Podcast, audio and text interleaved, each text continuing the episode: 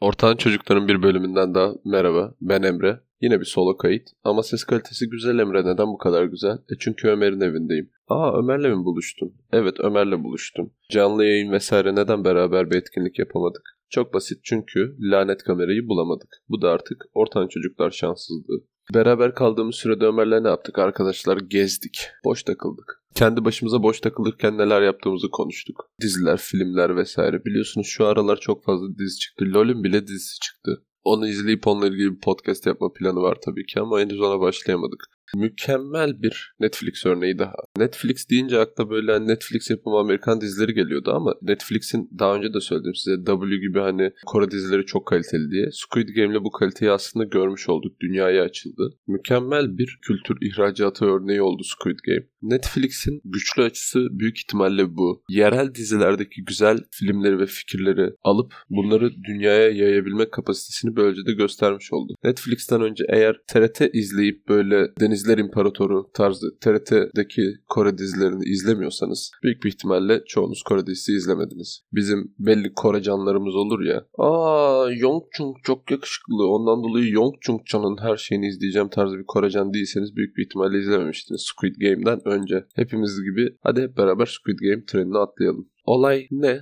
Olay ülkemizde de olduğu gibi fakirin çok fakir, zenginin çok zengin olduğu Kore'de geçen bir olay. Ve kısaca şöyle oluyor. Zenginlerin eğlencesi için artık fakirlerin şaklaban edilmesi amacıyla yapılmış bir yarışmaya çaresiz insanlar katılıyor. Ve bir tane kazanan olacak ve bu bir tane kazanan büyük bir miktarda para kazanacak. Bunun için çocuk oyunları oynamaları isteniyor. Ama şöyle ufak bir şey var. Oyunda yanarsanız ölüyorsunuz. Başınızda PlayStation kolu adamlar var. PlayStation kolu adamlar sizi acımadan öldürüyorlar. Aslında dizinin kısa bir özeti oldu böylece. Squid Game'den neden bu kadar etkilendim? Birincisi kesinlikle demin de bahsettiğim gibi kültür ihracatı. Hani bizim yaptığımız Türk dizisi ne? Hakan Muhafız'ın ilk başını izledim. Aşk 101 ve 50 metrekare diye. 3 tane Türk dizisi izledim Netflix'te. Daha fazla da var ama bunlar benim izlediklerim. Bir kere 50 metrekare çok başarısız bir yapımdı. O konuda 50 metrekare lafını bir daha dizi hakkında bu podcast'te duymayacağınıza emin olabilirsiniz. Hakan Muhafız ilk örneğimizde Çağatay Reis'le başlamış. Güzel bir akımdı aslında ama dizinin kalitesi CNBC'de Merlin izlemek gibi. CNBC'de Merlin izleyebilecekken neden Netflix'e para verip bu diziyi izleyeyim diye düşünen olabilir. Evet. Neden para veresin? Çünkü zaten veriyorsun. Netflix hatta Amazon Prime üyeliği kullanmasa bile artık herkeste olması gereken üyelik. Eğer benim gibi Spotify'ı kullanmıyorum nasıl olsa sıkıldım deyip üyeliğinizi iptal etmediyseniz farkında değilseniz ama YouTube Premium, Spotify, Netflix, Amazon Prime bunlar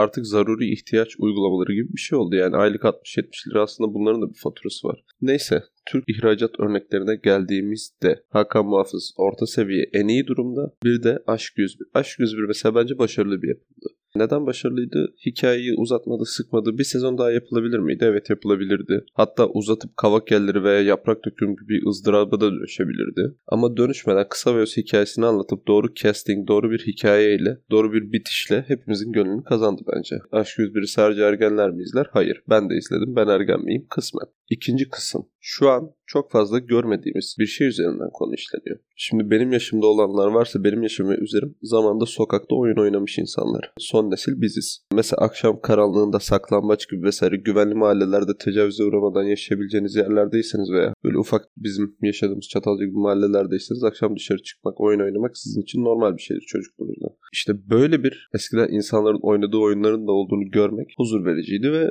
benzer kültürlerin olması da çok hoşuma gitti. Mesela ilk başta oynadıkları bir oyun var. Kırmızı ve mavi zarfla oynanan, içi dolu zarfla. Bu bizim oynadığımız tas oyununun aynısı. Tasoda kökmece vesaire neyse aslında bu oynadıkları Dakshi adlı oyun veya Takshi diye de okunuyor bizim oynadığımız Taso'ya çok benzer. İkincisi Red Light Green Light. Korece bir tekerlemeden sonra kırmızı ışık yeşil ışık hareket ettikleri oyunlu oyun var. Oyuncuların çoğunun olayın ne olduğunu anladığı ilk sahne ve herkesin patır patır ölmeye başladığı. Bu oyunun da benzerini oynamıyor muyuz? Tam olarak ne olduğunu bilmiyorum veya yerel yöresel isimleri değiştiği için. Ama en basitinden şeydeki gibiydi. Doctor Who'da Weeping Angels vardı. Ağlayan melekler. Baktığın zaman hareket edemez. Bakmadığın zamansa gelip seni geçmişe yollayan garip canlılardı. Çok da hoşuma giderdi. Onlara karşı oyun oynamak gibi hissettiriyor. Güzel bir oyundu. Bir tane oyun var mesela hani bu şekeri yalayarak kırmadan çıkartmaca vesaire. Bu oyunun benzerini biz ülkede oynamıyorduk. Tug of War dediğimiz yani halat çekmece her dershane pikniğinin vazgeçilmez etkinliklerinden biri olur.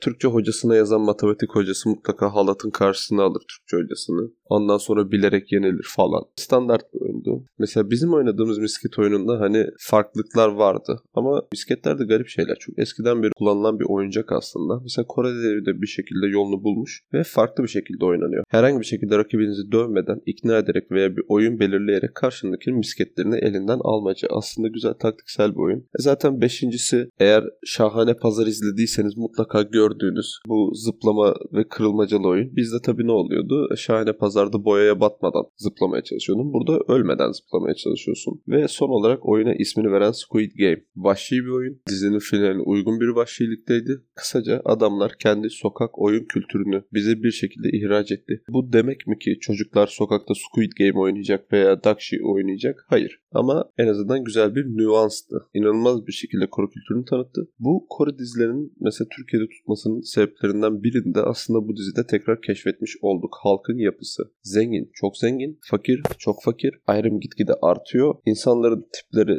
davranışları mesela bize göre daha saygılılar tabii. Yani bizim gibi vahşet dolu yerler değil. Yani en azından bize lanse edilen öyle ama sosyoekonomik yapımızın da çok benzer olduğunu gördük. Fakirin fakirlik seviyesi Türkiye'dekiyle aynı. Zenginin zenginlik seviyesi Türkiye'dekiyle aynı. Zengin zenginliğini gösterişli bir şekilde yaşıyor. Şimdi asıl sorum şu. Ben yapımın kültürel açıdan da, çekim açısından da, hikaye açısından da çok kaliteli olduğunu düşünüyorum. Peki aynı bütçeyi biz alırken neden 50 metrekare gibi boktan işler yapıyoruz? Hani bir şeyi yerme sınırımız 50 metrekareydi. Ama Koreliler aynı Netflix bütçesini aldığı zaman neden W veya ne bileyim Squid Game gibi kaliteli yapımlar çıkarabiliyor? Hep gözümü çekiyor. Kore'de de böyle. Hani bizdeki dizi kültürü nasıldır? Belli oyuncular vardır. Farklı rollerde sürekli aslında aynı oyuncular oynar. Mesela atıyorum ismini bilmediğim Eishan. Eishan'ın mutlaka iki yılda bir bir dizide başrole benzer bir rol oynadığını görürüz. Cansu Dere'de de Ömer arkadan. Mutlaka iki yılda bir düzgün bir rolü olur. Ne kaliteli olur ne kalitesiz olur. Orta seviye bir rolle normal maaşını alıp zenginliğine zenginlik katmaya devam eder. Kore'de Eishan tarzı böyle oyuncular var mı? Var. Netflix'te bile birden fazla dizisi olan. Hani zamanında Netflix'te olmayıp sonradan Netflix'e gelmiş dizilerde oluyor ya. Mesela bizde Behzatçı neyse.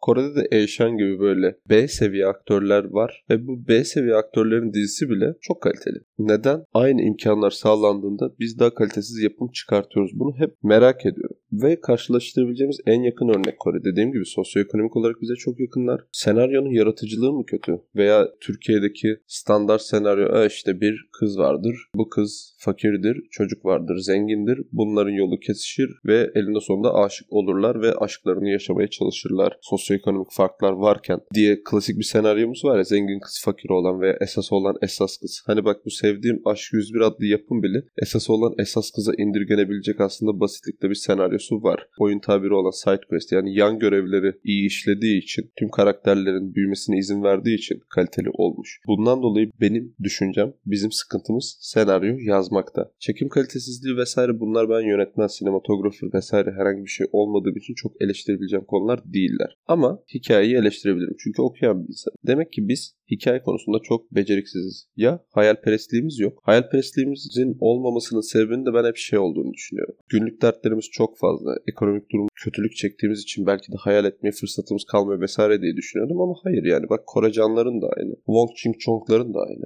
Adamlar ne yapıyor? Aynı durumdalar ama bir şekilde demek ki hayal etmeyi, kafalarını kaldırmayı biliyorlar. Büyük ihtimalle bu eğitim geçmişimizle alakalı olduğunu düşünüyorum. Veya bu kültürel farktan dolayı ileride çıkarttığımız yapım da çok kalitesiz oluyor. Çünkü yani ev veriyorsun parayı. ikisine de atıyorum 500'er dolar veriyorsun. Al diyorsun senaryo yaz. Veya işte hazır bir senaryo geliyor. Al diyorsun çek, çeken berbat. Aktörlerimiz çok kaliteli mi? Yani gerçekten bir iki tane sadece çok kaliteli aktör olduğunu da sanmıyorum Türkiye'de. Türkiye Netflix'in eleştirme podcastine döndü biraz ama Squid Game'e geri dönelim. Basit sokak oyunlarının etrafında kurgulanarak inanılmaz güzel bir hikaye anlatmış. İkinci sezonunu heyecanla bekliyoruz. Ve bu dizi düşünün yani senaryo yönetmenin eline 2008-2009 gibi geçmiş. Daha önce çekmeyi denemiş olmamış.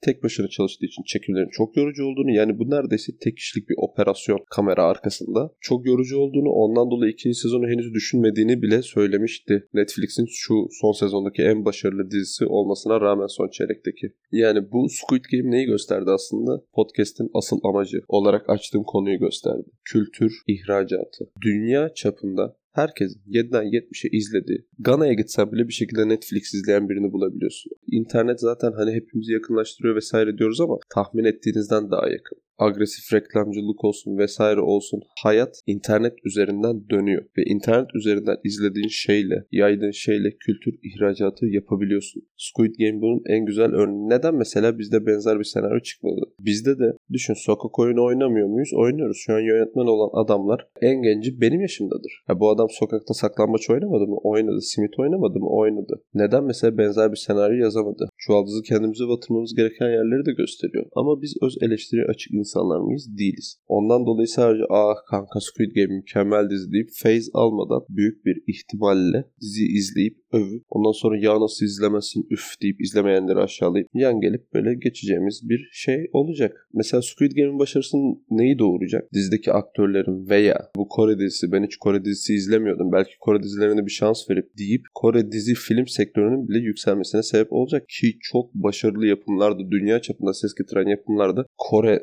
sineması da çıkartmaya başladı. Ya bu adam da senelerdir dizi çekiyor. Bunlar 2000'lerdeki dizilerine bakın. Denizler İmparatoru. Gerçekten şu TRT dizilerinin kalitesinde bir yapım. Nereden nereye gelmiş adamlar. Biz gelişime, değişime mi açık değiliz yoksa nasıl gelişeceğimizi mi bilmiyoruz. Önümüzde kaynak da var. Gayet başarılı Amerikan veya Avrupa menşei olmayan kaynaklarımız da var. Neden başaramıyoruz sorusunu kendime çok sordurttu Squid Game. Bir gün eğer siz de çok çalışırsanız bir sonraki Squid Game'i yazabilir misiniz? Hayır. Çünkü hayal gücümüz kısıtlı. Ben de size inanmıyorum. Siz de bana inanmayın. Hepimiz başarısız olacağız elbette. Ortağın Çocukların bir bölümünün daha sonuna geldiniz. Ben Emre. İyi günler.